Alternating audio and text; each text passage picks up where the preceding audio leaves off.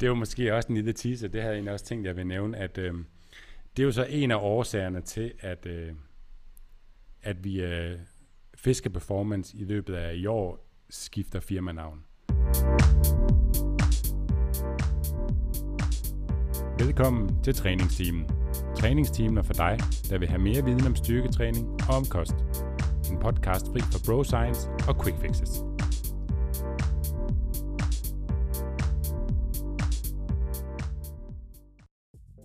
Velkommen til vores miniserie Trænerportrætter. Her på træningsteamen vil vi gerne præsentere jer lyttere for alle vores dygtige trænere i Fisker Performance. Derfor har vi med hver enkelt træner lavet en lille særepisode, et bonusafsnit til jer lytter, hvor vi snakker med hver enkelte træner omkring deres uddannelse, sportsbaggrund, deres passion i deres arbejde med klienter og meget, meget mere. Vi håber, at I vil lytte interesseret med, for der er masser af gode guldkorn at hente med fra de her episoder. Rigtig god fornøjelse.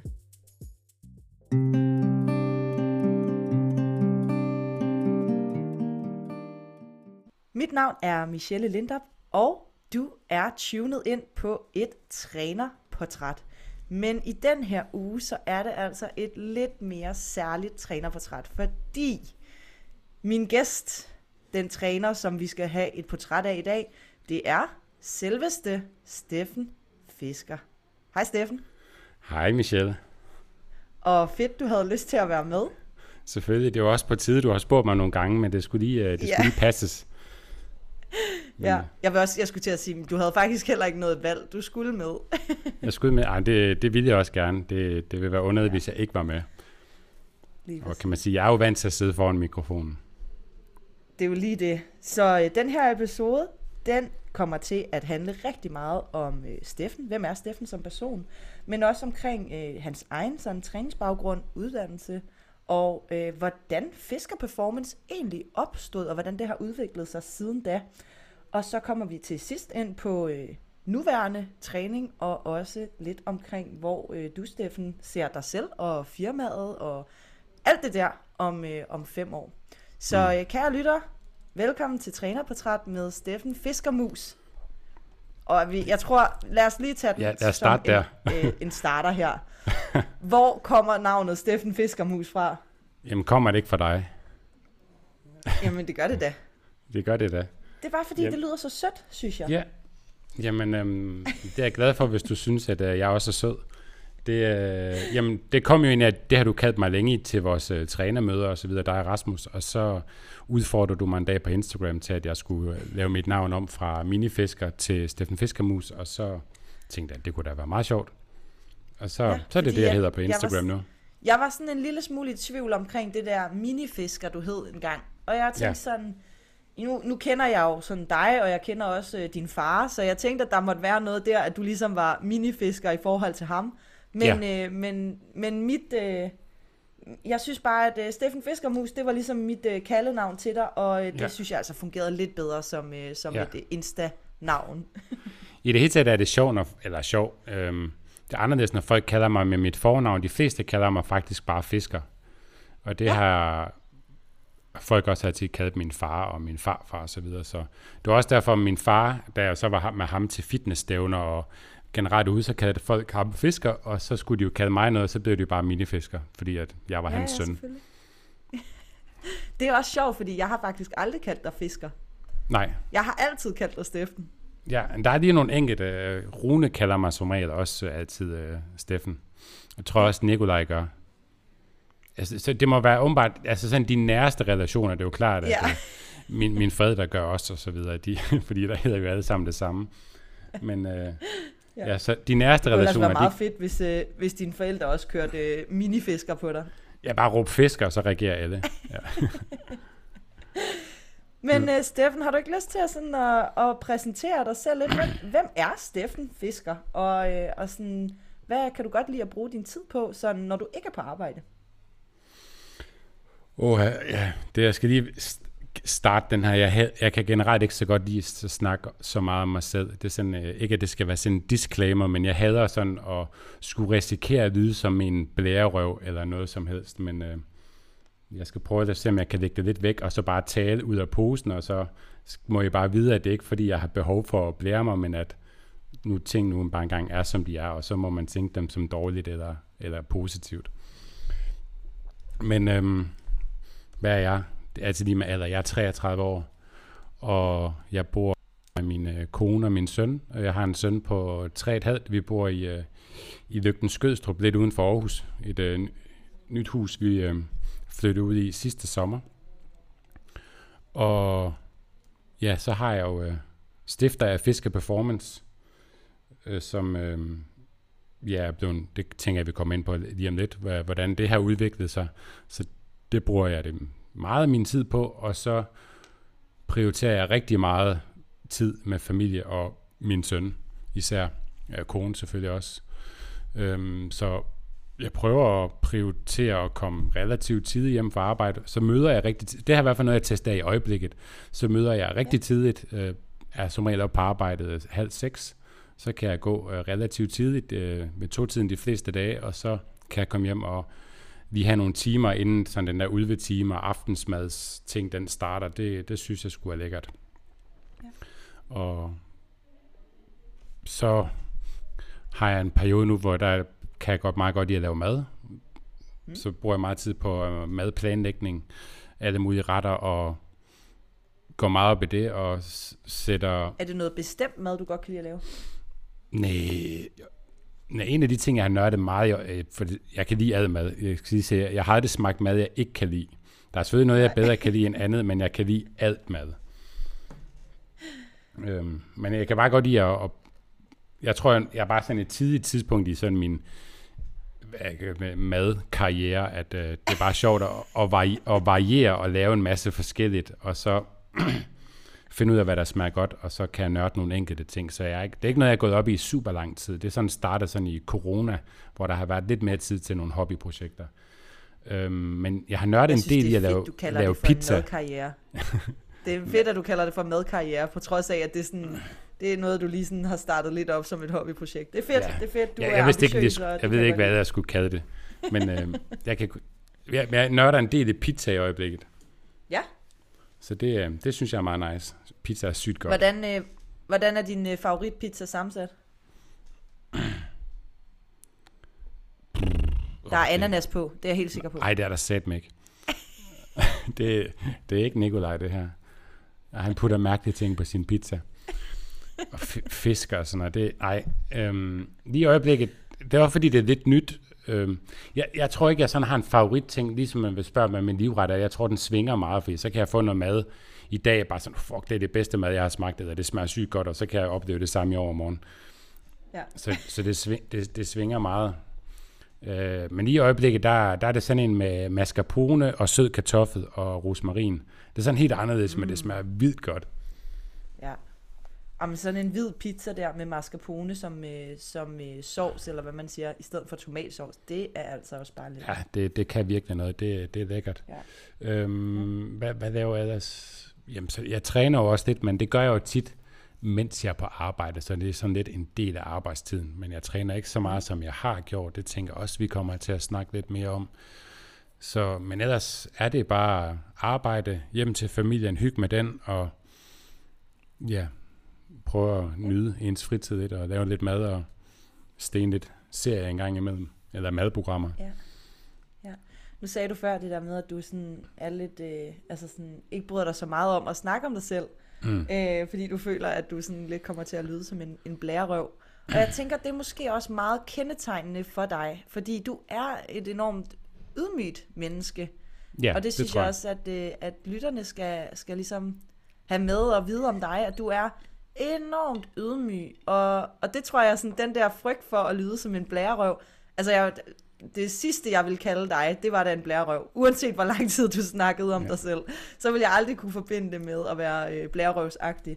Øh, men, men du kender mig også, også altså, så det, hvis man nu hører den her podcast for første gang, eller lytter til et trænerportræt med mig, og jeg kun snakker om mig, så vil jeg bare ikke, at folk skal tro det. Men øh, ja, det er jo en anden sædfortælling, jeg har mig selv. Jeg, gerne, øh, vil, jeg vil gerne virke ydmyg også, for det ser jeg også mig ja. selv som. Og det, altså, Du, du er det mest ydmyge menneske, jeg næsten kender. Så, øh, så at komme til at lyde som en blærerøv, det tror jeg ikke kommer til at ske. Men jeg kunne rigtig godt tænke mig, og det tænker jeg også, at, øh, at lytterne kunne tænke sig at vide lidt mere om, det er sådan din egen træningsbaggrund, hvis vi skal starte der. Hvad, mm. øh, hvordan har den været sådan? Er du vokset op med at dyrke masser af sport, eller hvordan? Ja. Det, øh... Eller har du bare dyrket fitness og squattet lige siden du var to år gammel? Ja, overhovedet ikke faktisk. Jeg, altid, jeg har altid uh, sport og bevæget mig. Det har jeg altid, det skal så det ligger nok til familien. Min, uh, jeg ved ikke, hvor mange generationer det går tilbage, men en del. Jeg ved i hvert fald, at min farfar, han er stadig meget aktiv. Uh, han er, hvad han, han fylder snart 80. Øhm, jeg spiller stadigvæk øh, golf fire gange om ugen, og kan stadigvæk dødløft øh, 100. Jeg siger, at, at under 100 kilo i dødløft, det er ikke et sæt. Øhm, så han, er, han kan stadigvæk øh, bevæge sig. Øhm, og han har dyrket meget hammerkast, og, altså atletik, og det samme har hans bror, og det har deres far også været. Øh, han har også vundet VM for veteraner, og min farfar har skurtet også på den gode side af 250 i hans bedste år. Og ja, min far har ja. trænet mange år, stedet op i fitness og bodybuilding og vundet Danmarks mesterskaber og været med til nordisk mesterskab, så mange kender jo også min far fra den her branche. Mm.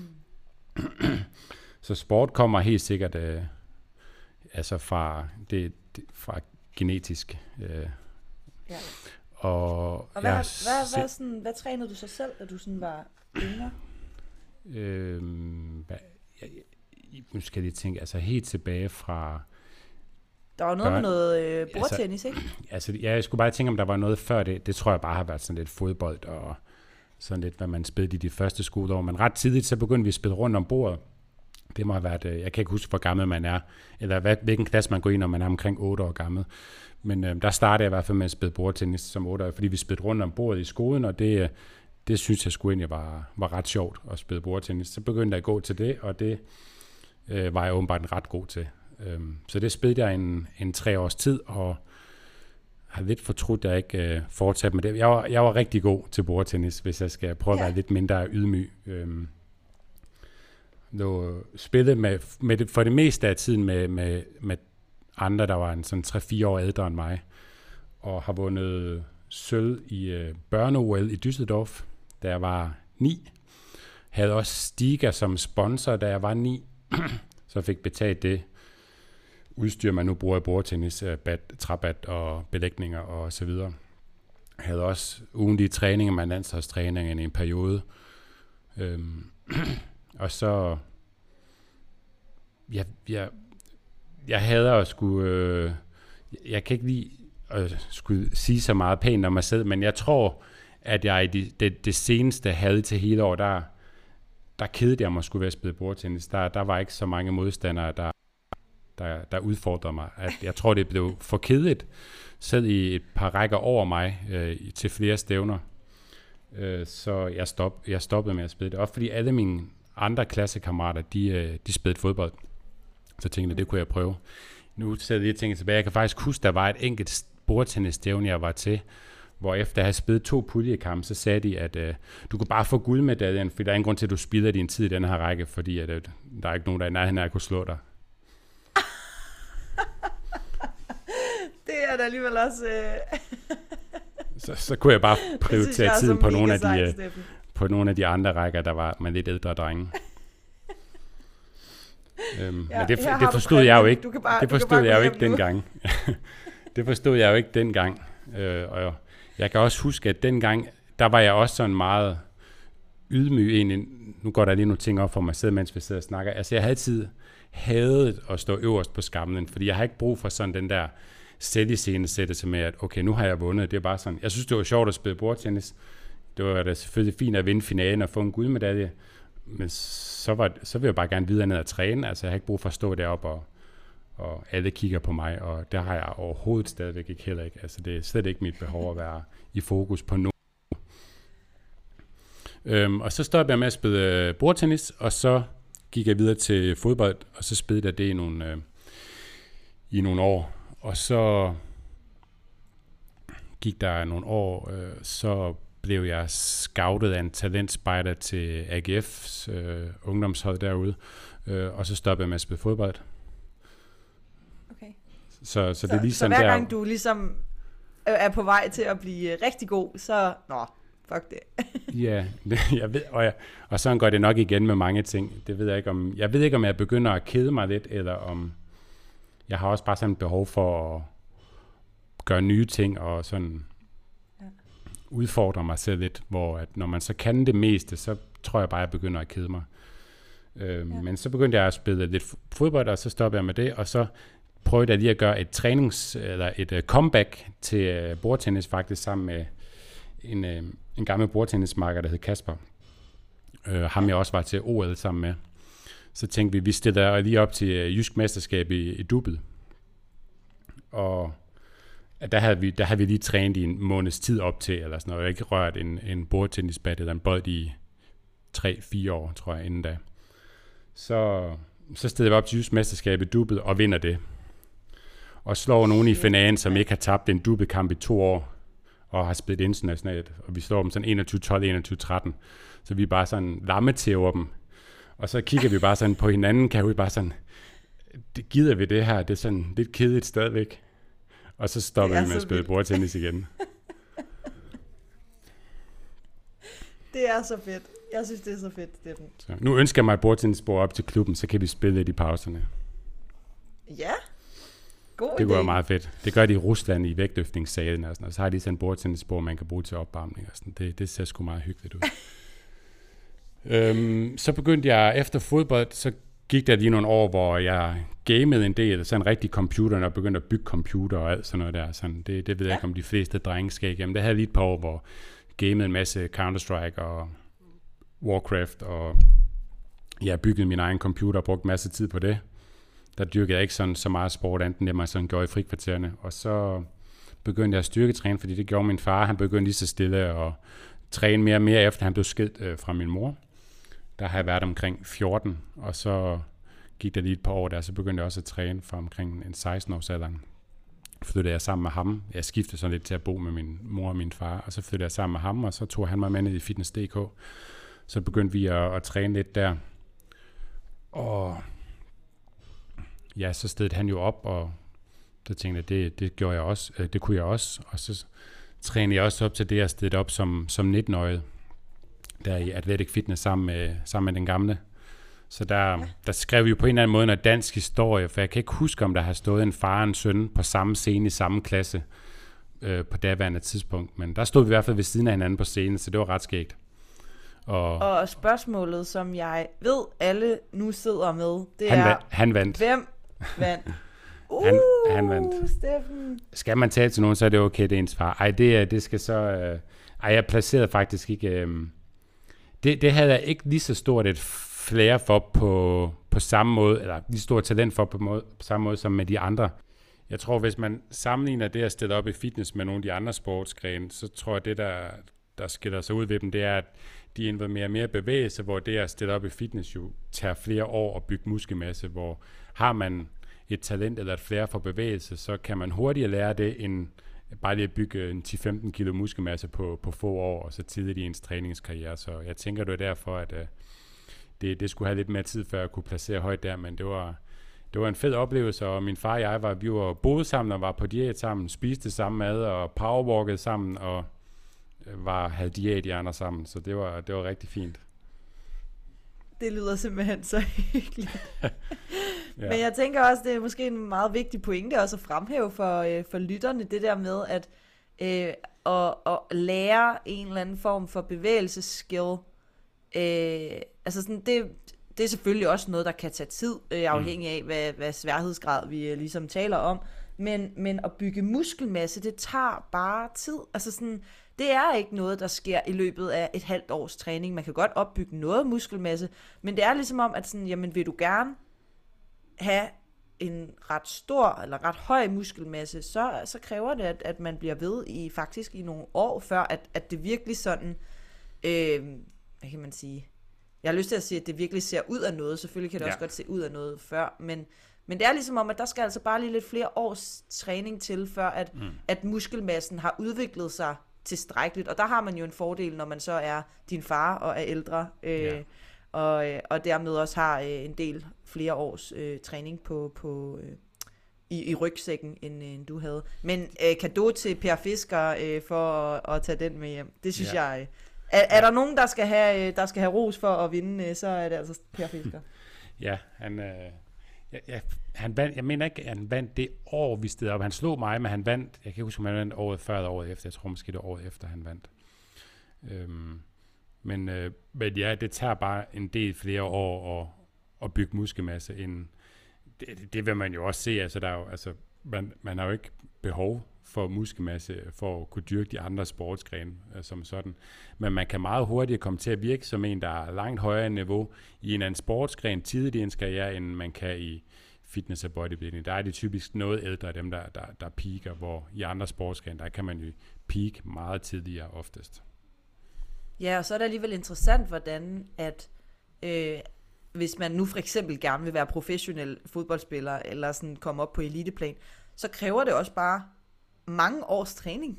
Altså mm. sådan, det kræver altså bare, at man, at man øver sig og øver sig og øver sig og øver sig, hvor at rigtig mange, der stiller op til fitnesskonkurrencer, i hvert fald mange af dem, som jeg kender og har snakket med, inklusive mig selv, jamen øh, så tager man lige et års øh, intensiv styrketræning, og så stiller mm. man op. Ja. Altså det virker jo sådan helt øh, omvendt. Ja, og ja, det er rigtigt, fordi at mange tænker ikke over, da de så startede med at spille fodbold eller bordtennis, så i mit tilfælde, så var jeg jo 8, da jeg startede med at spille bordtennis, ja. og så lad os sige, at jeg bare spillede til jeg var 16, det gjorde jeg ikke, men så har jeg stadigvæk spillet i 8 år, men der er ikke mange, der tænker, at 8 år er nødvendigt for at bygge god muskelmasse, men så, nej, nej, så det er bare fordi, præcis. man starter sportsgren endnu tidligere ofte, så starter man med at spille fodbold som 4 år eller sådan noget. så øver man sig jo. Det kan godt være, at man bare ja. tumler rundt på en græsbane, men men man øver ja. sig jo. Ja. ja. Og så, Nå, og jamen, hvad? vid, videre derfra, så, så har jeg stillet op, og så ender jeg så på Aalborg Sportshøjskole, øh, fordi jeg synes, at det der med træning, det er meget sjovt. Og så tænkte jeg, et år med, med, med træning på en højskole, det, det lyder sgu fedt. Så ja. der var jeg på styrkelinjen derop, og så kunne nørde lidt mere træning. Øh, man blev også uddannet træner derop så var der rigtig mange styrkeløfter deroppe, og så kom jeg så ind i, uh, i styrkeløft uh, miljøet og begyndte at konkurrere lidt i det.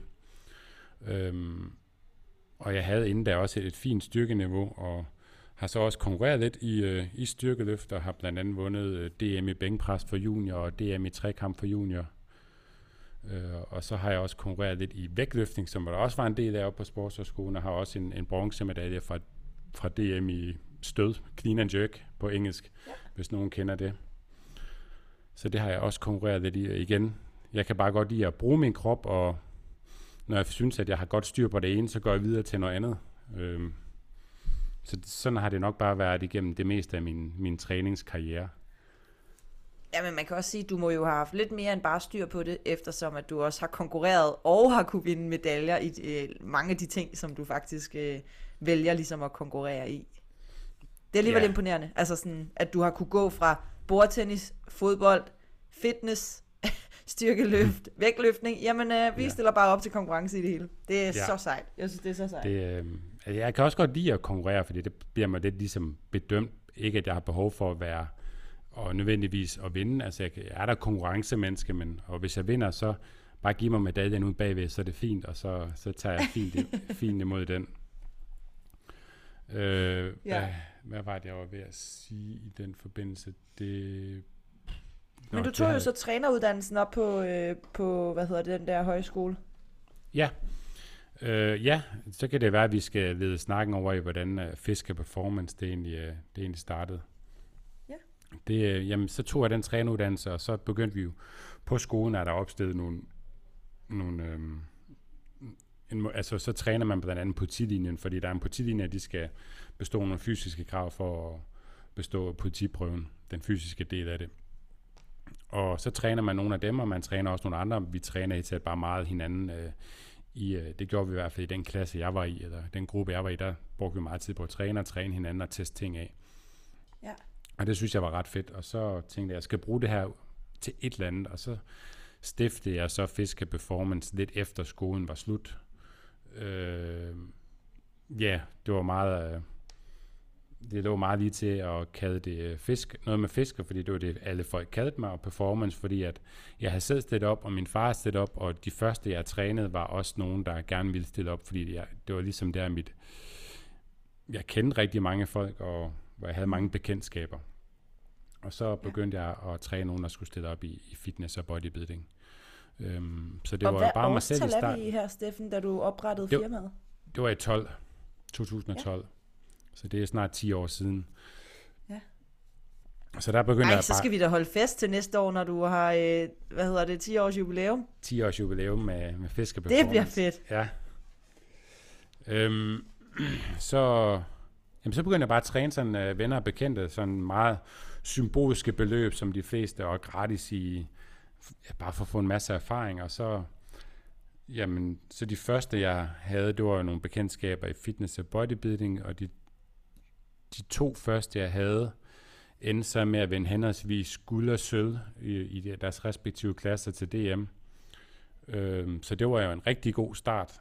Og så året efter, så havde jeg et, der hed øh, Rasmus Charlie, øh, hvis der sidder nogen ude og kender ham, som vandt øh, DM-guld og nordisk mesterskab-guld i, øh, i bodybuilding også. Så det var en endnu bedre start. Det var sådan rigtig stort dengang. Det er det sikkert, det er sikkert stadigvæk rimelig stort, men der var, det, det føltes som stort dengang. Mm. Øhm, og så fik og så, altså det var jo en hobbyvirksomhed til at starte med, og jeg begyndte at læse noget enkelt fag ved siden af, noget adgangskurs, fordi jeg tænkte, at jeg gerne ville at læse idræt øh, på Aalborg Universitet, så det var sådan lidt ved siden af det, så det var sådan lidt et studiearbejde, hobby. Øhm, så det var meget fleksibelt. Og så Hvor startede du med at træne øh, dine klienter hen? Op i øhm, AK Jyden i Aalborg, øh, mm. gammel vægtløftningsklub, det var også der, jeg øh, selv øh, trænede vægtløftning.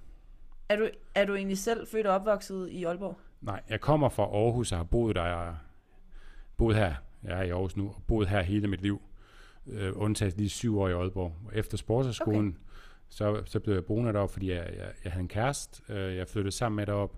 Og så bagefter det, så da, da vi så endte vores forhold, så flyttede jeg hjem igen. Ja, ja. Så jeg læste lige Nå, deroppe så er nogle år. det derfor, du bonder så godt med Nikolaj. Han er jo også fra Aalborg. Ja. ja, lige præcis. Ja. Så jeg, jeg kender Aalborg rigtig godt. Det er en dejlig by. Ja. Du forstår Ja. ham Jeg forstår bedre, den. end vi andre gør. Ja, jeg kan rigtig godt lide Aalborg. Okay. Så der var jeg lige op en, ja, små syv år. Ja. Bum, bum, bum, Og hvor så mange, kom- altså sådan der i 2012, har du en, sådan, kan du huske, hvor mange timer du ligesom havde på gulvet, eller sådan, som man siger, altså som Nej. personlig træner? Nej, det har ikke været mange om ugen, det har det sgu ikke. Det har været en 5-6 timer om ugen eller sådan noget, tror jeg. Dengang var det... Havde du noget sådan ved siden af, noget arbejde ved siden af, for ligesom at, at tjene penge, eller var det det, der ligesom var din Det- indkomst? Det var det, der var min indkomst ved siden af, så... Så nogle gange var det da også sådan, at når man lige fik en kunde, der sådan, så, at, man, at man havde en korrespondance med en mulig kunde, og bare sådan, så gik den i hus, så tænkte man, yes, så behøver jeg ikke at spare så meget på maden i næste måned. det, øh, ja, så, så kan jeg godt betale den her regning, jeg lige har fået fra internet, eller du ved, et eller andet. Det, det, Nu bare lige en kort, eller sådan en hurtig hovedregning, så hvor gammel var du på det tidspunkt? Du har været sådan noget en 22, 23 ja, agtigt 23 år eller sådan noget. 24, da du oprettede firmaet. Ja, Ja, okay. ja, noget den, ja. Ja. Og så, altså sådan, så havde du jo de her fitnessatleter og en, en del, som gerne ville stille op til, til konkurrencer. Jeg kan også huske et billede, har det været fra et af de første stævner, ligesom, hvor du var med som træner, og du havde nogle af de her forskellige atleter, der var øh, Rasmus Charlie, der var Lea Wiel, kan det passe? Øh, Ja, hende havde jeg også og i nogle- hendes første år. Ja, nogle Og- forskellige personer, ja. Som, øh, som stillede op øh, mm. Under dig. Mm. Øhm, og er der noget, som ligesom er kendetegnende for din første år, eller Fisker Performance som virksomheds første år, så er det jo det her med, hvor mange der rent faktisk vandt guldmedaljer, og hvor mange der rent faktisk gik hjem fra de her stævner med medaljer. Så udover at du selv har vundet rigtig mange medaljer mm. øh, for dig selv, altså når du selv har stillet op til konkurrencer, ja. så har du faktisk også hjulpet rigtig mange øh, andre mennesker med Ja. at, at vinde medaljer til de her fitnesskonkurrencer. Ja, ja, ja. Vi, øh, det, øh, det- jeg har, øh, vi havde, og jeg har stadigvæk en rigtig god track record med atleter, der har vundet medaljer. Det, øh, jeg kan i hvert fald huske de første 4-5 år, altså det var, øh, altså det var alle stævner, vi kom hjem med, med medaljer, men det var, det var altså et fortaget der af atleterne i det hele taget, der ikke vandt en medalje.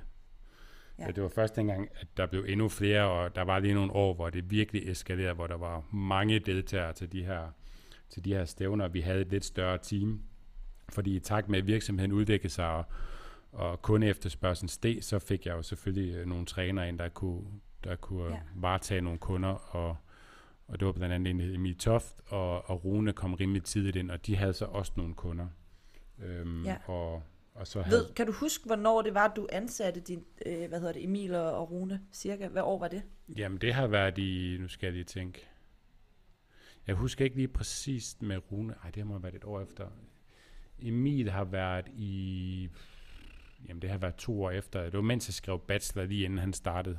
Så der kørte jeg næsten fuldtid med virksomheden, mens jeg skrev bachelor på, på studiet i idræt i Aalborg og, og vidste med det samme, at når det var slut, så skulle jeg bare køre virksomhed, fordi at det, det, det, det stak bare af, kunne jeg godt fornemme, fordi at, øh, der, der var mange kunder, og teamet kørte der, og teamet var, vi havde et ret stort team med et år, hvor, hvor vi så også var mange trænere. Vi havde ikke så mange atleter hver især, fordi vi vil gerne stå inden for kvaliteten og med ja, sommerhusture, og der var du jo selv med, og sportspsykolog indover og alt muligt, så det ja. var, der prøvede vi at gøre sådan noget ekstra ud af det. Det var, det var, et toft år.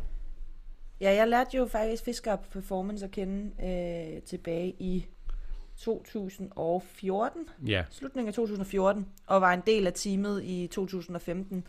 Øhm, ja. Og kan huske, at både Rune og Emil var ansat. Og jeg synes også, der var en fjerde person, altså så ud over Line, som var min træner. Øh, men så var der vist en træner mere. Kan det ikke passe? Som Eller også var det jer? Det var, det, det var, var jer fire, og så var der Niklas Pyrdol, ja. som var med som sports øh, Ja, det var også der, der havde atleter i hvert fald. Ikke? Jo, jeg, ja. jo, jeg tror også, vi havde Daniel Borg på det tidspunkt. Øh, ja, han, havde, ja, han havde ikke atleter. Nej, så øh. det er jo allerede, altså det er jo kun to år efter, at du faktisk har stiftet virksomheden i 2012, ja. og så i 2014, der har du allerede, der er I allerede en 4-5 ansatte, øh, hvad hedder det, ved Fisker Performance, ja, jamen som det, på en eller anden måde arbejder for Fisker Performance, ikke? Ja, altså det, selvfølgelig, det skal selvfølgelig siges, at det ikke alle sammen arbejdede fuldtid. Øhm, men men de havde, det var noget deltid i hvert fald for de fleste af ja. dem, og så Ja, så Line der, din træner, hun, øh, jamen, vi var, vi var jo kærester på det tidspunkt, øh, ja. Lille Vitrup og jeg, og så stoppede vi med det, og så ja, gik vi også til hver sit virksomhedsmæssigt. Ja. Sådan, sådan går ja. det jo. Og det år, hvor jeg stillede op, det var jo et af de her rekordår, øh, hvor der simpelthen var allerflest øh, deltagere ja. til øh, de her fitnesskonkurrencer i 2015 og i 2016. Det var sådan der, hvor at, mm. at vi peakede. 2015 tror jeg faktisk var det år, hvor vi peakede med antallet af deltagere. Ja. Hvad skete der så efterfølgende? Fordi jeg stoppede øh, med at være under Fisker Performance øh, der i slutningen af 2015, og så klarede mm. jeg mig ligesom på egen hånd derefter. Men hvad skete der med Fisker Performance derefter? Fordi der skete jo lidt sådan et, et skifte i jeres fokus, kan jeg huske.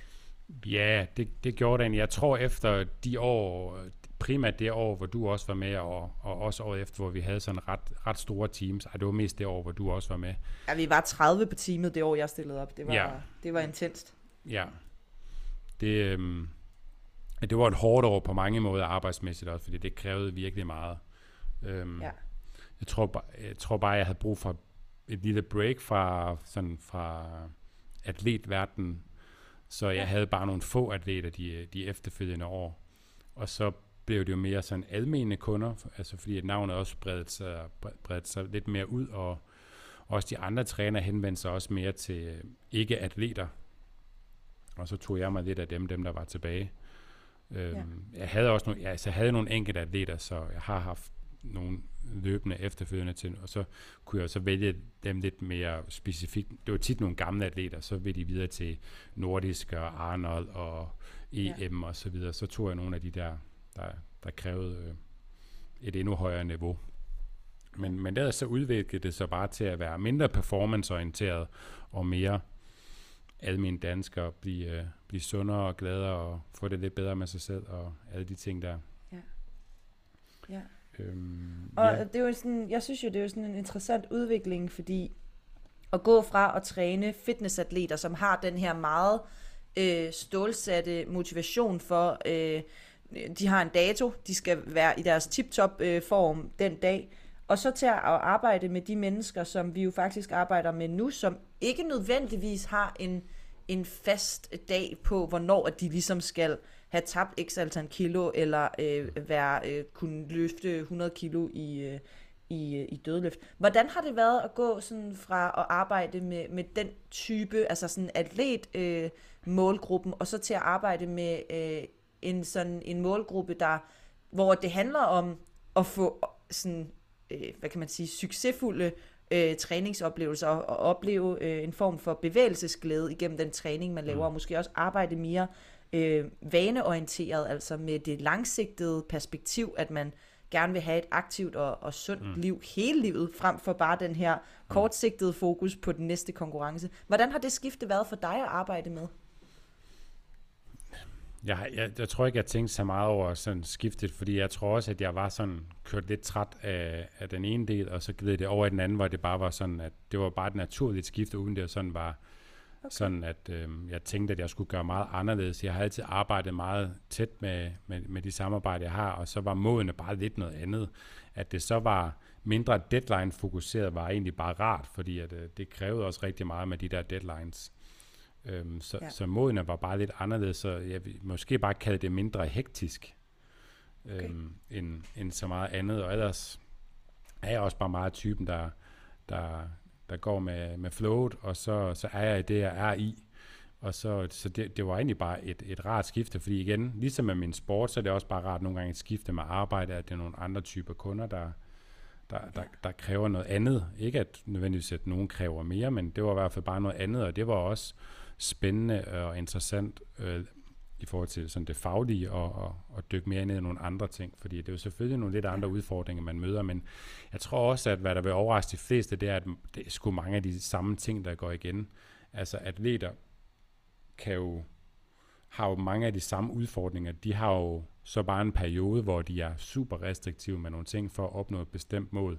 Det tror jeg rigtig mange mennesker kan, hvis de sådan sætter sig for et mål, men de har jo også problemer undervejs med, at de ikke kan holde den. Altså, har jo aldrig haft en atlet, der ikke, øh, der ikke er hoppet fra en plan i løbet af fire måneder. Og det, det, ja. de fleste tror jo, at, at de, jamen jeg er jo ikke en atlet, jeg kan jo ikke spise efter en, en kostplan øh, hele tiden. Jamen det kan atleter heller ikke. Så, så, så det er jo de samme udfordringer, der som sådan er. Det sker selvfølgelig øh, formentlig sjældnere, men, men, men, øh, men de er jo også restriktive i en begrænset periode, så derfor kan de jo også gøre det på den måde, hvor, havde andre mennesker en lige så stram deadline og en specifik dato for, for noget bestemt, så tror jeg også sagtens, man vil kunne klare mere, end hvad man gør lige nu. Men, mm. men sådan er livet jo ikke, fordi vi vil gerne have længerevarende resultater, så det er jo noget andet, man arbejder med. Ja.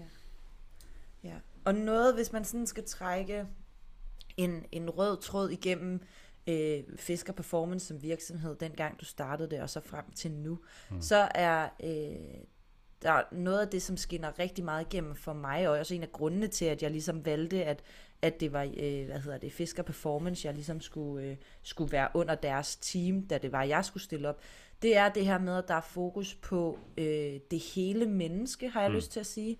Ja. Og at, at til, altså sådan, det er ikke, nu får du den her plan, og nu skal du gøre alt, hvad du overhovedet kan for at holde mm. den 100%. Mm.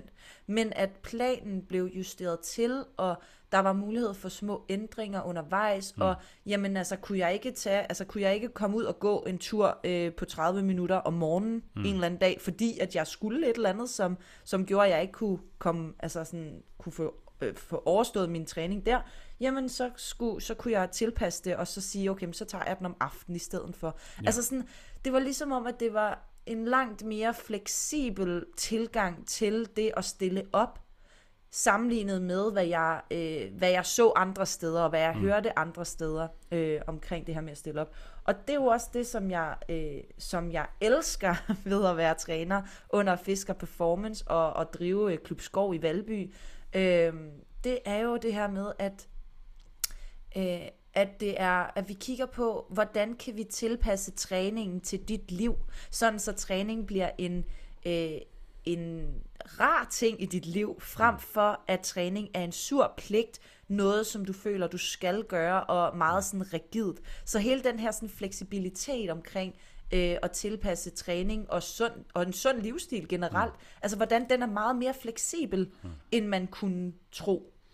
Ja, Det er det, jeg rigtig godt kan lide ved sådan Fisker Performance som, som virksomhed eller som brand, og de ja. værdier, vi står for. Ja, altså jeg tror ikke, det er noget, jeg sådan aktivt sådan har tænkt over. Altså der, ja, det er faktisk mange af de, den måde med de værdier, jeg har bygget virksomheden op omkring, er ikke noget, jeg aktivt har tænkt over, fordi jeg har egentlig bare været mig, og så er det sådan forhåbentlig de værdier, der så har valgt sig at skinne sig igennem. Men jeg, hvad var jeg ved at sige, at jeg har altid bare haft en personlig bevægelsesglæde og træningsglæde, og den har jo nok bare Ja. forsøgt at skabe ved de folk, jeg arbejdede med. Så Ja. jeg har selvfølgelig gået op i folks resultater. I starten, altså, altså, så gik jeg jo lige så meget op i folks resultater, og manglende resultater, at jeg tog det meget personligt, hvis de ikke øh, fik Ja. ja. resultater, og det gør jeg ikke i lige så høj grad mere. Ikke at jeg er ligeglad overhovedet, men jeg tror, det er sådan meget personligt. Det tror jeg er meget øh, normalt i starten, men der, der, der engagerer jeg mig i hvert fald sådan meget en til en øh, på et helt andet, øh, på, på et niveau, som de forhåbentlig også kunne mærke, fordi jeg havde en træning sådan en bevægelsesglæde. Øh, både jeg at udforme programmerne, men også når, når vi så var på gulvet, at, at det forhåbentlig smittede af og motiverede dem til at, at gøre det, de så gjorde. Og Ja, det kan man måske også sige, at det er noget af det, som har sådan... Altså, hvad, en af de værdier, der nok har udviklet sig, øh, måske ubevidst for dig, men, men i hvert fald sådan, som jeg ser det udefra, øh, og også med mit indgående kendskab til virksomheden, fordi jeg jo netop har været en del af det, både som atlet, men også nu som, som en del af sådan, af, af hvad kan man sige, ledelsen i øh, Fisker Performance, så er, altså sådan, før i tiden var det meget resultatorienteret, og i dag Mm. er det meget mere procesorienteret. Ja. Ja. Ja, ja, ja, i hvert fald, hvordan det bliver... um, Ja, ja, det tror jeg helt sikkert også, men jeg, jeg tror altid, det har været procesorienteret. Der har bare været sådan Ja. mere fokus på det resultatorienterede, i hvert fald udad til. Men, men, Ja. men sådan selve arbejdet med klienterne har været meget procesorienteret, fordi at Ja. vi har jo selvfølgelig talt om, at altså, man bliver jo ikke gladere nødvendigvis af at veje mindre, og fedtprocenten ikke har udviklet sig, som man ønskede sig. Nej. Så, så, så processen har været der, men jeg tror også bare, der har, der, der har været et skift i de sociale medier og i samfundet generelt i forhold til, hvad der sådan er fokus på. Og jeg synes, det er et fint skift, at der er mindre fokus på resultater og mere fokus på processen, fordi at Mm. det er jo processen, vi skal være i til dagligt. Vi kan jo ikke bare lige tænke os, er 10 kilo vægttab eller 5 kilo øgning af muskelmasse. Det, det er processen, vi skal kunne lide at være i. Men, men hele det der, det er jo, med de værdier, altså det, jeg, jeg stifter jo også Fiske Performance, fordi at, at jeg, jeg vil jo gerne skabe det bedste inden for personlig træning, der var i Danmark. Altså jeg har, da jeg startede med at træne, der var der, jeg kan ikke huske, om der var nogen personlige træner, der var nogle fitnessinstruktører nede i Fitness.dk, sådan noget, da jeg startede. Jeg fik der en kort gennemgang af nogle maskiner, og jeg kunne skrive ned, at sædet skal være på niveau 3, og, og det her skal være på niveau 4. Og det var sådan lidt det. Så det var ikke sådan personlig træning, det var bare sådan, vis, blev vist maskinernes indstillinger. Ja. Så, så det var det, jeg oplevede, og det, til- altså, det var i bedste fald middelmodigt, og, og, og jeg, jeg fik jo ikke den hjælp, jeg havde brug for. Jeg lærte jo ikke at squat eller dødløfte eller bænkpres. Det, det lærte jeg jo lidt selv igennem mine bekendtskaber og min far og så videre. Og jeg tænkte, der, der må skulle være et produkt, der, der man kan tilbyde, der er langt bedre. Og det følte jeg, det kunne jeg godt gøre, især efter at have været på Aalborg Sportshøjskole, hvor vi virkelig havde nørdet træning et helt år, udover at jeg havde, havde trænet inden i mange år, også stedet op. Ja. Men så var det jo et år, hvor vi trænede gennemsnitligt to gange om dagen, fordi vi også havde undervisning med træning. Øh, og nogle dage Ja. ja. trænede vi fire gange om dagen øh, med alt muligt, hvor vi var nede og teste af. Og, og ellers så brug, vi, når man bruger så mange timer i et træningscenter, så ser man jo bare virkelig mange bevægelser, og man lærer at rette ind, og man, man har bare den her træningsglæde, hvor øh, man, gerne vil, man, man gerne vil give videre, eller det havde jeg i hvert fald. Mm. Øhm, så, så, så, så den kvalitet af, af indsigt i træning vil jeg ligesom gerne give videre. Og det, det, det tænker det skal vi ikke gå på kompromis med. Der var også nogle online trænere og sådan noget dengang, men øh, det var ikke et produkt, jeg i hvert fald kunne stå inden for. Jeg skulle arbejde noget tættere end alle de der andre coaches, der også havde atleter, der stillede op og bare spyttede kostplaner ud til højre og venstre. De er der stadigvæk. Øhm, og så var det jo også virkelig vigtigt for mig, at de træner, jeg fik ind i starten, havde samme filosofi. Så de blev nøje udvalgt. Det gør de jo stadigvæk, men nu, nu er jeg mindre ind over udvalgelsen af alle trænere. Nu står du jo blandt andet for dem over i København især. Øh, men jeg er helt sikker på, at du kigger efter det samme, og de skal have nogle unikke kompetencer og øh, nogle egenskaber, som vi ser som vigtige i det her fag, og det er jo blandt andet empati og medmenneskelighed som noget, noget af det vigtigste. Det faglige, det har jeg altid haft sådan, det, det kan vi godt lære folk, men at være god med andre mennesker, det, det er ikke noget, man bare lige lærer. Det tager i hvert fald længere tid end det faglige, hvis det ikke sidder naturligt. Ja, ja helt, helt, altså sådan, ja, det er helt rigtigt. Det, at det er sådan, den menneskelige kompetence er sværere at lære, mm. øh, end, end selve stoffet. Altså sådan det, man ligesom... Ja. Det der med at, det, ligesom at, at, at kunne lytte aktivt og virke engageret og mm. forstående for den anden person og sådan noget. Det, man kan godt mærke, hvis det er ikke, uh, hvis det bliver faked lidt. Uh, ja.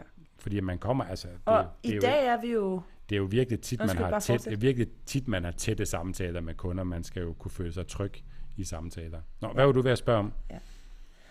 Jamen, i dag er vi jo så... Hvor mange træner er vi egentlig? Altså, sådan, det, er jo, det, er jo, det er næsten svært at holde styr på, synes jeg, der er så ja. mange. Jamen, øh, jeg, jeg er ret sikker på, at vi er 26 i alt, øh, ja. inklusive øh, ja, os ejere. Nu, øh, ja, fordi ja. sidenhen er vi jo... Ja, så i 18, der kom Rune jo ind i, øh, i firmaet, øh, fordi at øh, vi var ved at være et sted nede, hvor vi lejede os ind i Aarhus, at der var, der var meget larm, og der kom flere og flere hold. Det var CrossFit Center, og vi havde et gruppetræningskoncept. Vi også havde startet lidt op, øh, træningsklubben, som, øh, som egentlig kørte rigtig fint, men, men vi var begrænset af holdtider, fordi de skulle tilpasses øh, CrossFit Copenhagens holdtider. Så det var ja. bare et problem. Så gav det bare mening at få sine egne lokaler, og så Rune havde jeg, var er en sindssygt dygtig træner, og vi havde et tæt samarbejde, og vi snakkede om, at skulle vi så ikke bare åbne noget sammen, og så blev han en del af Fiske Performance. Så, så han er medejer i dag, og Nikolaj Bak blev så medejer et års tid efter, så vi er jo tre medejere af, af Fiske Performance-delen. Ja. Og så der er Rasmus, I sidder så over i København-afdelingen. Ja. Og nu har vi jo så to, to træningscentre øh, i hver vores ende af, mm. af, Køben, eller af, af Danmark, og, øh, og er øh, lige under 30 trænere. Hvad Altså sådan, hvad er det, du særligt brænder for i den her virksomhed i dag? Og måske endda kontra, du sagde det her med, at du kunne rigtig godt tænke dig at, at give de her træningssucceser eller træningsoplevelser videre, og mm. den her bevægelsesglæde, du selv havde, give den videre til dine klienter engang, og sørge for, at de selvfølgelig også fik resultater med deres træning, og når de stillede op. Hvad, hvad, hvad, hvad driver dig sådan i, din, øh, i dit arbejde i dag? Ja, det, du har jo skrevet det her spørgsmål til mig inden, og det, det brugte jeg faktisk noget tid til at tænke over, og hvad jeg i hvert fald kunne konkludere, det er, at det, har, det er noget, der har varieret, og det svinger i perioder fra da jeg startede til, til hvor jeg er i dag. Øhm, hvis man sådan skal sætte et overordnet tema på det, har det nok sådan været sådan øh, udvikling. Og det kan jo så både være sådan på virksomheder, men det kan jo også være udvikling af, af klienter. Øhm, mm. Altså da jeg startede firmaet, der, der, havde jeg, der havde jeg ret mange timer på gulvet. Der har også haft perioder, hvor jeg har kørt sådan plus 30 timer på gulvet om ugen og sådan noget. Og, og der er jeg slet ikke i dag øh, sådan med, en til en timer. Øh, og her var det så udviklingen i de enkelte forløb, der, der især var vigtige for mig. Øhm, og, og jeg tog det jo så meget personligt, hvis de ikke fik gode resultater, eller hvis en kunde ikke ønskede at forlænge sit forløb, så, så tænkte jeg, åh oh, shit man, har jeg været en dårlig træner og så videre. Ja. Det ved jeg selvfølgelig nu af erfaring, at det selvfølgelig altid har noget med mig at gøre, men det kan skyldes, det kan skyldes mange ting, det er en anden snak. Men, men ja. i dag er det måske, øh, det er selvfølgelig stadigvæk vigtigt med klienters udvikling, men i dag kigger jeg også meget på udviklingen af, af virksomheden. Sådan altså nye produkter, eller måden vi gør det på, kan vi optimere nogle ting. Øhm, udviklingen af, hvor, hvor mange mennesker hjælper hele trænerteamet, det synes jeg jo også er fedt at vide, fordi at da jeg kun var mig, der kunne jeg hjælpe et begrænset antal mennesker, men nu når vi er flere, så ved jeg, at vi kan hjælpe mange flere, og det er jo fantastisk. Øhm, og så er det jo også et, hele vores øh, sociale mediearbejde, som stor kado til Nikolaj, det styrer han med hård hånd, at, øhm, at vi kan hjælpe så mange mennesker igennem, øh, igennem de kanaler og, og, og træningsteamen øh, podcasten her.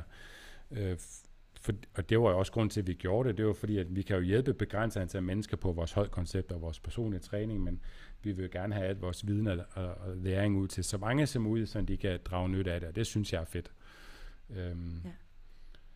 Og så, jamen, udviklingen den, altså selve, det kan være, at vi kommer ind på det, men sådan selve væksten har aldrig været et mål i sig selv.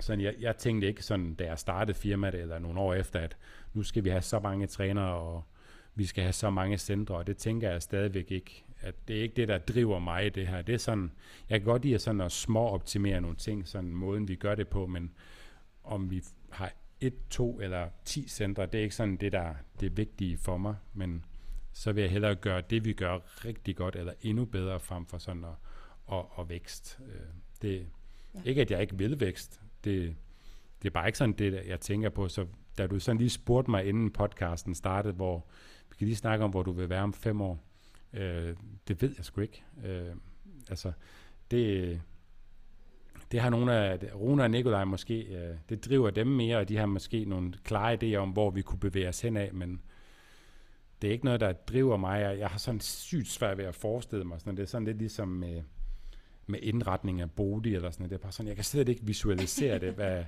hvor, hvor, hvordan det kunne se ud, og hvordan det skal forløbe. Og sådan det, jeg lever sådan meget i nuet. Hvordan kan jeg løse mine opgaver nu og hjælpe mine klienter nu, og så kan det være, der dukker nogle idéer og tanker op øh, løbende med de mennesker, man kender og arbejder sammen med, og så tager den ene båd den anden, og så kører vi på. Så det, det, det så virksomheden indtil nu, indtil Nikolaj og Rune kom ind i det, har det bare været sådan en dag øh, af gangen, og så har det bare kørt videre.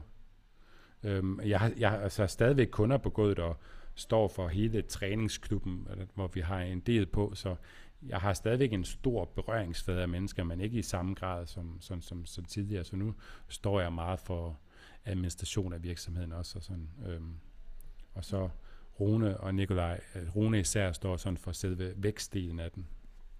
Så, så kan man sige, i andre termer, så er jeg, jeg plejer at sige, at Rune han er sådan er vores CEO, han er sådan direktøren. Han har det strategiske overblik og tager, tager de vigtigste beslutninger. Og så, så er jeg mere sådan en duer, der, der bare godt kan lide at gøre, hvad der sådan giver mening for alle parter, fordi at jeg har selv svært ved sådan at visualisere og skabe en retning med firmaet sådan på lang sigt, fordi at jeg, jeg lever meget i nuet, tror jeg. Ja, og det var også lidt det, du sagde, sådan, øh, inden vi tændte mikrofonerne her, det, det der med, eller noget du i hvert fald øh, ofte øh, øh, bringer ind, når vi snakker omkring vores rollefordeling i, øh, i Fisker Performance, i ejerkredsen. Øh, det er jo det her med, at sådan, jamen, altså, du kan rigtig godt lide at få stillet en opgave, og så skal du nok eksekvere på den. Ja. Men det der med ligesom at tænke de, sådan, de langsigtede baner, og mm. øh, hvordan kan vi udvikle, sådan, altså sådan, øh, hvor skal vi hen, hvor skal vi være om fem år, det er ikke så meget der, hvor at, at du føler, at du har øh, øh, mm. den, din store kompetence, men at du mere sådan, jamen altså, sig hvad, altså sådan, kom, giv mig en opgave, så skal jeg nok løse den, altså sådan, ja. og så eksekverer du enormt hurtigt på, ja. på de her øh, opgaver. Vi to sidder jo blandt andet i noget samarbejde, ja, vi hvor vi, vi får bare gjort det, ikke? Ja. Men også, altså, så er jeg også meget rigtig praktisk anlagt, at, at jeg tror, mange af mine idéer og udviklingsmæssige ting, de kommer fra, at altså, vi har koncept kørende, eller et forløb kørende med en kunde, eller med et produkt, vi har prøvet at i gang sætte, at så finder jeg huller i det løbende, og så og så udvikler vi jo på det. Så jeg kan ikke sådan gætte ja. mig til, jeg, altså det fald svært at gætte sig til sådan, øh, skal det her produkt indeholde noget andet, og hvad så om et år, og sådan, det er bare sådan, Ja. Det er sådan, øh, altså, lad os komme i gang inden for rimelighedens grænse, hvis vi have en vis kvalitet i produktet fra starten af, og så teste af, og så udvikle på det løbende. Det, det, det, altså fordi man oplever bare, altså der sker jo bare ting i praksis, der gør, om så mangler vi lige at skrive og give de her informationer, inden man starter et forløb. Altså det kan være sådan nogle helt små bagateller, ja, ja, ja. Øh, der er vigtige, at man finder ud af, at det skulle nok lige vigtigt at have en opstartsperson i et træningsteam, inden man bare bliver kastet ud på gulvet på et hold, fordi at, uh, ellers ved man ikke, hvad man skal gøre. Altså det er jo bare lige nogle, nogle små ting, ikke? Men uh, det er jo det, man lærer af i praksis, som nogle ting, det, det er svært sådan at bare gætte sig til på papir. Ja, ja, helt mm. sikkert. Hvad hedder det? Nu har vi jo snakket rigtig meget omkring din sådan træningsbaggrund før i tiden, og vi har fortalt, øh, eller du har fortalt rigtig meget omkring, hvordan fitness, øh, Fisker Performance er opstået og har udviklet sig. Ja. Og også lidt om sådan, hvor du måske ser firmaet om fem år, eller at du faktisk måske ikke har de store sådan fremtidsudsigter, men altså, forholder dig meget til, planer, fordi det skal man jo have, når man har en, øh, en virksomhed af vores størrelse. Ja, det, er, det har vi. Det skal man jo have. Øh, men, men det er så nogle andre end mig, der har det overblik, og hvordan vi sådan kommer i den retning, fordi at, øh, det, det er jeg ikke særlig god til, så der er jeg jo bare glad for, at vi har folk ind, der er langt dygtigere til det, end jeg er. Ja. Men hvor er, det, hvor er du så nu her i dag med din egen træning? Altså sådan, fordi nu har vi snakket meget om sådan din træningsbaggrund og hvad du kommer fra. Hvordan træner Steffen Fiskermus egentlig? Ja. Øhm, inden jeg fik børn, der trænede jeg nok sådan 4-5 gange om ugen og brugt øh, halvanden to timer øh, per gang på det. Øh, efter jeg fik børn, ændrede prioriteringen sig en del. Øh, og det har været et aktivt valg. Det har også været en lidt af et skifte. Jeg har egentlig sådan det meste af tiden haft det okay med, at fordi det har været et aktivt valg om prioritering, fordi tit har det jo stået med, at så er man færdig med dagens arbejdsopgaver, og så skal jeg tage hjem til familien nu, eller skal jeg bruge noget tid på træning, og så tit har jeg valgt at køre hjem, fordi at, øh, det har virket vigtigere. Gang imellem har det selvfølgelig været dårlig samvittighed og så videre. Men, men der har i hvert fald været et skift fra, at øh, inden jeg fik, lige, lige da vi, øh, øh, da vi fik vores søn, lige inden da, øh, der oh, det, det bliver underligt at tale om, fordi nu skal jeg sige noget pænt om mig selv igen. Men der har jeg oftest altid, eller det har oftest i træningscenteret været en af de stærkeste, eller måske den stærkeste. Øh, og det, det er jeg i hvert fald i mindre grad nu, fordi at jeg, jeg har trænet mindre, og jeg har selvfølgelig mistet muskelmasse, og jeg har mistet noget, noget styrke. Øh, så det har jo også været et, øh, et lille skifte. Øh, men, øh, så, så den har jeg sådan lige skulle vende mig lidt til, og det, det, der har jeg fundet ro i nu, at nu har jeg bare fundet bevægelses- og træningsglæden tilbage. Øhm, jeg træner i dag, træner jeg nok, og de seneste år har jeg nok trænet en to gange om ugen i snit.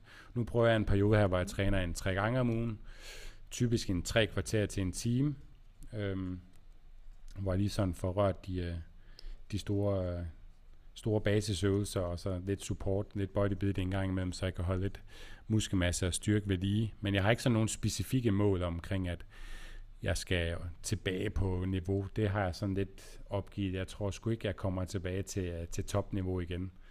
Øhm, jeg tror godt, jeg kunne. Jeg tror ikke, jeg gider. Øh, fordi det skulle... Øh, det kræver en stor indsats, og det vil kræve mere tid væk fra familien, og den, det trade-off, det, det er jeg ikke villig til, i hvert fald som jeg har det lige nu.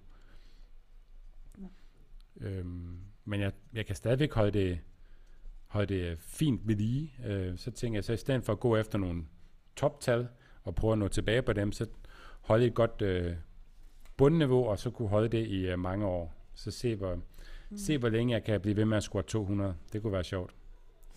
Om, øh. er, det, er det sådan standarden? Ja, jeg tænker, hvis jeg kommer under, hvis jeg ikke længere kan score 200, så tænker jeg, ah, så må jeg heller lige, lige uh, tage mig lidt sammen må se, se, hvor længe jeg kan holde den kørende. Det, det kan jeg heldigvis stadigvæk, men det, det er også kun lige der omkring nu. Det er ikke meget mere. Men, øh, men det føler jeg også okay med, med den minimale træning, jeg har lavet de sidste øh, små fire år. Ja.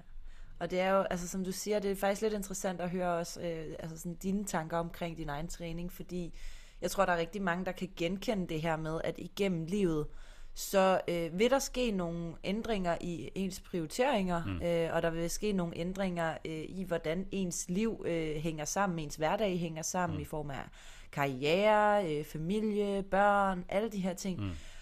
Og øh, for nogen, så tror jeg, at det bliver et større problem end for andre. Altså, at, at der er nogen, der har svære ved ligesom at acceptere eller, øh, eller tage det valg, der hedder, jamen, jeg er ikke villig længere til at, øh, at skulle bruge to timer øh, fire gange om ugen, eller fem gange om ugen på at træne, mm. øh, for at se ud, som jeg gør, eller for at have den styrke, som jeg har. Men, og, men at tage den, tage den beslutning, altså sådan at gå på, jeg har lyst til at sige gå på kompromis med, men altså sådan at, at, at lave det prioriteringsskifte, tror jeg er svært for rigtig mange mennesker. Mm. Og det lyder også på dig, som om at det også har været noget, som du måske lige sådan skulle, skulle vende dig til, i hvert fald en overgang. Ja, altså det...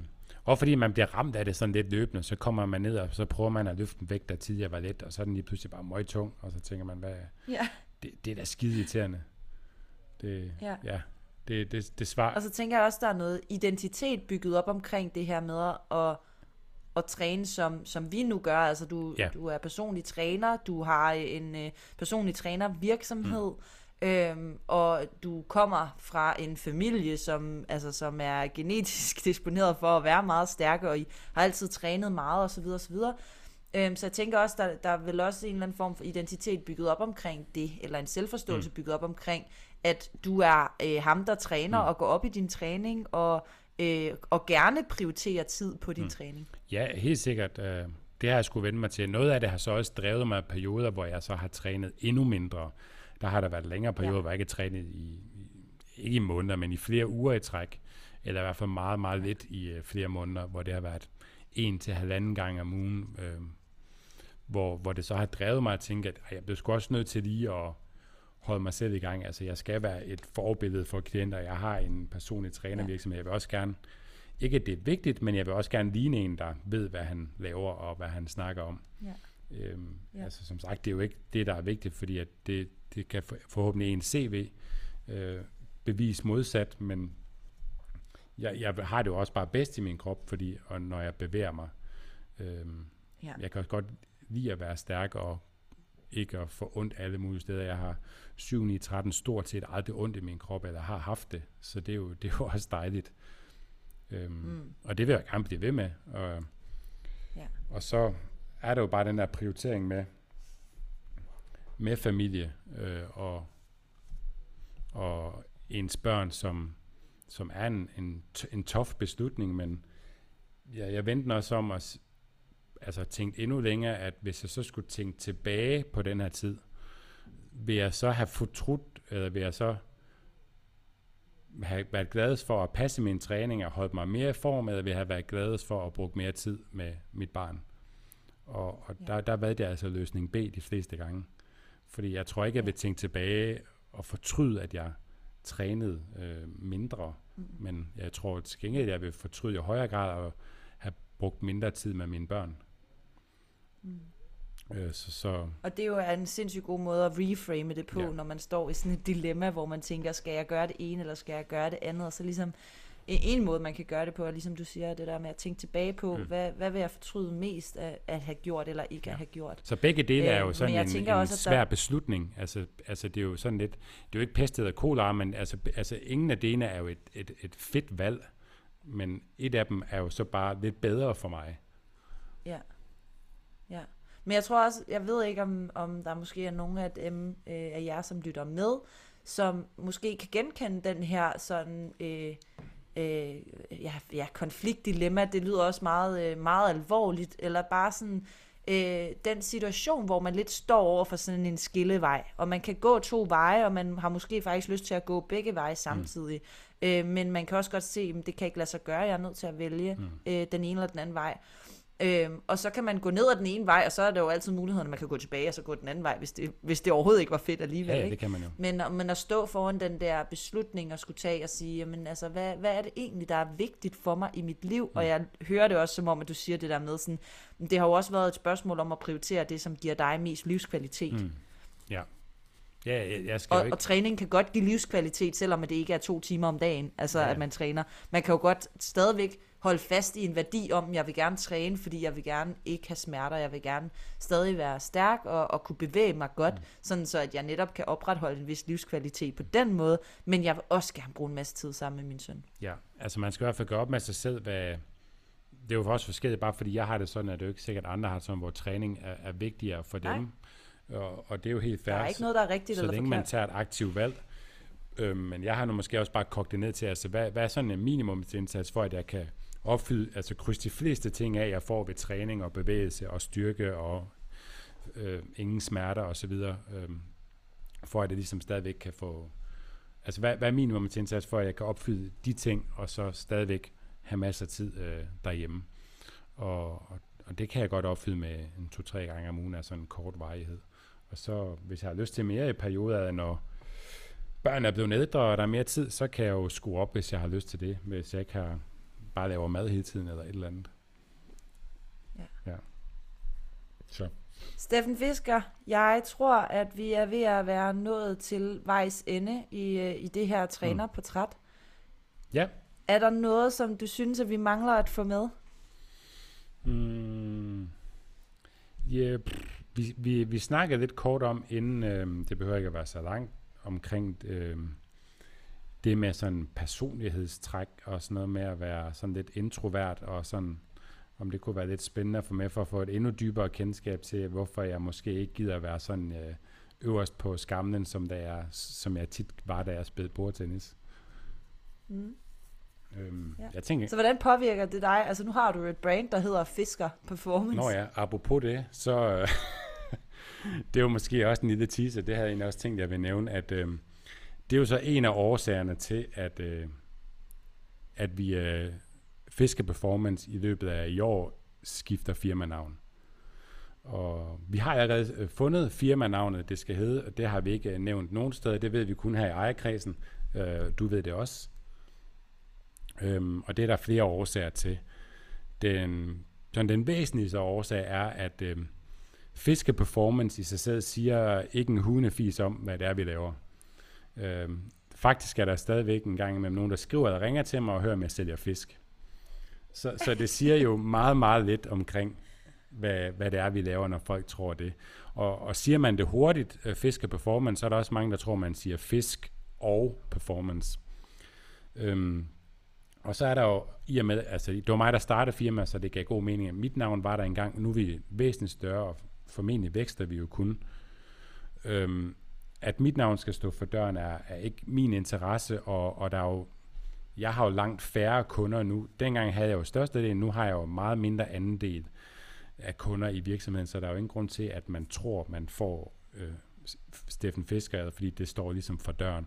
Og så er der performance-elementet i navnet, som er også noget, vi laver i langt mindre grad end tidligere. Vi har stadigvæk nogle atleter inden for diverse sportsgrene og crossfit osv., men det, det er overhovedet ikke størstedelen af vores øh, kunder. Så derfor gør, na- siger navnet bare meget lidt omkring i hele taget, hvad vi gør. Øh, og så er der også det der med, at jeg kan også godt nogle gange tage det personligt, lad os sige, at øh, over i København, øh, vi har en utilfreds kunde, eller et eller andet, øh, en kunde, der ikke opnår det ønskede resultat, og sådan noget. det sker jo en gang imellem, så kan jeg nogle gange godt tage det personligt, at åh oh, nej, så bliver de træt af fiske performance, og det er mit navn, og jeg står ved døren, og så er det mig, der er nederen. Øhm, der tror jeg, jeg vil have det anderledes, end hvis det var et mere øh, neutralt navn, lad os sige det, som ikke øh, var personligt Ja, eller et Bestemt. bredt omfavnende navn. Ja. Øhm, så det er sådan de væsentligste årsager til, at vi skifter navn, og så får vi så også muligheden for at brande os på en måde at, at ligesom skabe øh, et, et nyt navn og brand, som kan forhåbentlig meget mere, så det, det glæder vi os til. Øhm, så Ja. det, ja, det bliver mega ja, spændende. det bliver sygt spændende, så det, det var en lille teaser for noget stort, der kommer til at ske snart. Men, men, men I hørte det her først, lytter. Ja, det gjorde de faktisk, ja. Øhm, så må vi se, hvor mange der hører den her og kommer til at nævne noget for mig eller for dig. Øhm, ja.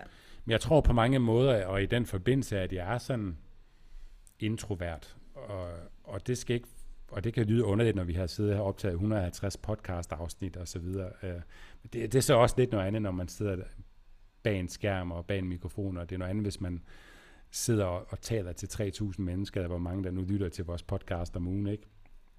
Men det kommer til udtryk på, på flere måder og forskelligt afhængig af, af, af hvilken situation jeg er i.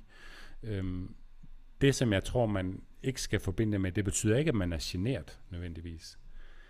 Det, øh, hvis- når man er generet, så vil man nok mere finde sig utilpas i situationer. Øh, og det, det synes jeg nu sjældent, jeg er. Jeg tror mere som person, at jeg sådan er, er, er mere lyttende, og jeg, jeg skal lige tænke over tingene. De skal lige ind og vende før, og det kan også nogle gange tage flere dage, at de lige skal ind og vende, og så kan jeg gå og processere det. Og så byder jeg ind, hvis jeg har noget at sige. Jeg synes, det er spændende bare at lytte, øh, og så, ja, så bruger jeg noget tid på at processere de informationer, der kommer ind. Og det kan også være, fordi jeg det sidder til møder, som vi jo så, så nogle gange har, at så for mest er jeg nok bare enig i, hvad der bliver sagt, eller også har jeg ikke en anden vinkel at byde ind med, og så, så siger jeg bare ikke noget. Det, øhm, så, så jeg er meget sjældent den, der siger mest til møder, og det, det har jeg det så fint med. Og det, det betyder ikke, at jeg ikke øh, engagerer mig overhovedet. Det betyder bare, at hvis jeg ikke lige sådan har noget væsentligt at byde ind med, så, så lytter jeg bare lige videre. Øh, og, og det er måske også en meget god måde sådan at opsummere det her portræt på, at, at det er jo faktisk ikke, fordi du ikke har noget at sige eller noget at fortælle om. Altså, hver gang man møder dig, så er du jo altid øh, enormt åben og varm, og, øh, og man føler sig enormt velkommen, når man møder dig. Øh, men, men du er også, altså du er den, der stiller spørgsmålet, og så lytter du efter, hvad der så bliver svaret tilbage, og, mm. og du er altid god til at spørge øh, meget ind, og det tænker jeg måske også, at dine klienter, øh, hvis der er nogle af dem, der sidder og lytter med her, mm. at, som også vil kunne genkende til, at du er, du, du er god til at spørge ind, og du er god til at lytte, og du er også god til at komme med, med et perspektiv, eller din sådan, okay, altså komme med forskellige inputs, ja. øh, når du mener, at der er noget, øh, når der er noget, du kan byde ind med. Mm. Øhm, så, så at være introvert, altså jeg tror også, det er vigtigt, nu havde jeg et trænerportræt med Thor Stær mm. for, nogle, øh, for en del uger siden, det kan man gå tilbage og lytte til, hvor vi også snakkede om det der med at være ekstrovert og introvert. Mm. Øh, og det er jo ikke to øh, bokse hver for sig. Nej. Man kan jo kalde sådan at være ekstrovert og introvert, det er jo sådan det er jo sådan et kontinuum, hvor man ligesom kan bevæge sig lidt op eller ned af mm. skalaen. Og også i forskellige kontekster, så er man lidt mere over til den ekstroverte del. Altså når du er på, når du har træningsklubben hold og sådan noget, så tænker jeg også, at du bevæger dig mere over mod den lidt mere ekstroverte mm. øh, side. Og så, altså sådan, men så stadigvæk har de der behov for ligesom også at, øh, at have ro og, mm. og være dig selv og, og ligesom trække dig tilbage og ikke være den, der er i øh, er i spotlight hele tiden, øh, som andre mennesker øh, bedre øh, kan lide. Ikke? Jo, jo, jo det, det er et rigtig fint eksempel, fordi at jeg, jeg kan jo godt snakke øh, foran flere mennesker, øh, i hvert fald hvis det er noget, jeg ved, jeg har, har styr på, med, for eksempel med træning. Jeg har jo også holdt foredrag for 500 mennesker osv., og det, det, det kan jeg også godt, og det, det er ikke fordi, jeg, altså man får sommerfod med, men det er ikke fordi, jeg er generet, fordi jeg, jeg ved jo godt, hvad jeg skal tale om. Og, og jeg er også sådan, det er ikke kun altså, karriere, hvad det hedder, karrieremæssigt, jeg er sådan her, men også øh, privat. Jeg er ikke den, der taler mest til familiefrokost, så der kan jeg sagtens bare sidde og lytte en hel aften, så byder jeg lige ind, hvis jeg har en, en sjov bemærkning eller et eller andet, eller hvis snakken lige leder sig hen på noget, jeg har styr på. Så, og det betyder ikke, at jeg er social, men igen, jeg kan bare godt lide at, jeg kan godt lide at socialisere, og jeg kan sagtens nyde den del, men ja. jeg tror i mange øh, situationer, så er den bare mere krævende for mig, end hvis man havde været mere ekstrovert. Så har jeg brug for, så slapper jeg mere, altså så lader jeg op i nære relationer, Øhm, så det er jo ikke fordi, jeg nødvendigvis skal være alene. Jeg kan sagtens bare være sammen med, godt være sammen med mine forældre, eller svigerforældre, eller kone og søn, og så bliver jeg lavet op på den måde. Men jeg lader også rigtig godt op alene, hvor at, ja. at ekstroverte måske i højere grad har det som formål at være social. Øh, så, ja. så mit formål ikke, så bliver jeg næret op af noget andet.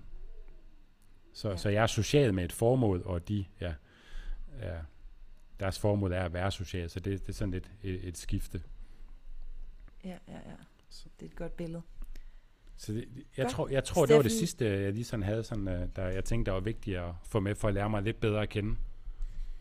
Ja, det var så fint at have med. Steffen, jeg vil sige uh, tusind, tusind tak. Uh, ikke mindst for at være med på det her trænerportræt, men også for at, uh, at have skabt Fisker Performance og have skabt et, øh, et brand, som jeg personligt er enormt stolt af at være øh, en del af, og have været en del af i faktisk nu syv år. Øhm, op, ja. Det har bidraget til rigtig mange positive ting i mit liv, både træningsmæssigt, men også i mit liv uden for træningen. Og, øh, og det vil jeg gerne have, at, øh, at du ved, og at, øh, at, du skal, at du skal have den tak. Det var meget pænt sagt. Tak for den. Til jer, som har lyttet med på uh, trænerportrættet, jeg håber, at I har nyt den her episode med Steffen Fisker Muse, Muse, Muse, Muse, Muse. Og at I har uh, fået en uh, fornemmelse for, hvem han er som person. Steffen, hvis man nu gerne vil uh, følge mere med på, uh, på dine sociale medier og i det, du går og laver, hvor kan man så finde dig henne? Uh ja, ja, vi har jo vores sociale medier, men der hedder Fiske Performance, om det så er LinkedIn, Instagram, Facebook. Øh, ja. Men jeg har jo også en privat profil, Steffen Fiskermus på Instagram. Øh, jeg har ikke lavet et opslag i et par år. Øh, jeg har tænkt, at jeg gerne vil gøre mere brug af min Instagram. Jeg skal bare lige... Jeg er bare meget i tvivl om, hvad, hvad folk gerne vil se derfra. Men hvis folk har lyst til at skrive til mig for at fortælle, hvad de godt kunne tænke sig at se, om det så er noget fra min egen træning, eller min hverdag, eller balancen imellem privat øh, træning, øh, ja. øh, arbejdslivet, øh, hvad, hvad end de synes, der kunne være interessant, så, så, vil jeg, så er jeg egentlig meget lydhør, fordi jeg har længe tænkt på, hvordan jeg lige sådan skal vinke dem i min Instagram.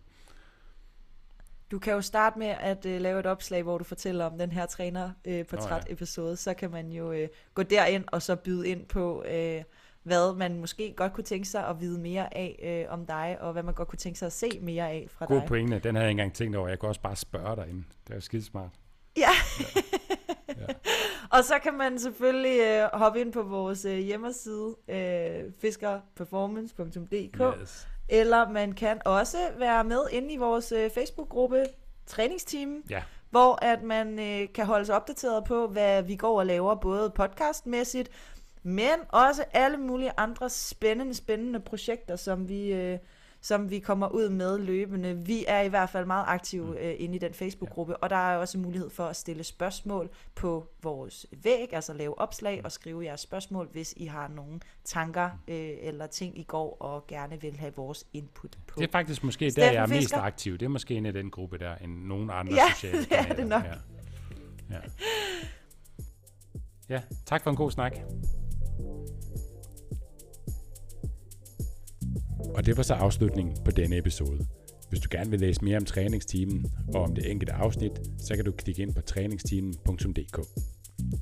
Og hvis du har spørgsmål til den enkelte episode, eller har forslag til emner, vi kan tage op i en fremtidig episode, så har vi oprettet en Facebook-gruppe, som du kan tilmelde dig. Facebook-gruppen hedder Træningsteamen, og jeg håber, at du vil være med. Og hvis du kunne lide den her episode og gerne vil have flere episoder fra os, så vil vi sætte stor pris på en god anmeldelse i din podcast-app. For det er ingen hemmelighed, at vi laver den her episode for netop dig derude, og vi tjener faktisk rigtig lidt penge ved at lave podcast. Faktisk ingen penge. Så måden du kan hjælpe os på er ved at dele vores podcast og anmelde den, så vi kan få vores podcast ud til så mange som muligt og forhåbentlig hjælpe dem. Og det er netop derfor, vi gør det her. Hvis du gerne vil læse mere om Fisker Performance og hvad vi ellers foretager os, så kan du følge os på både Facebook og på Instagram under navnet Fisker Performance. Og så er der vist ikke andet end at sige tak fordi du lyttede med. Vi høres ved.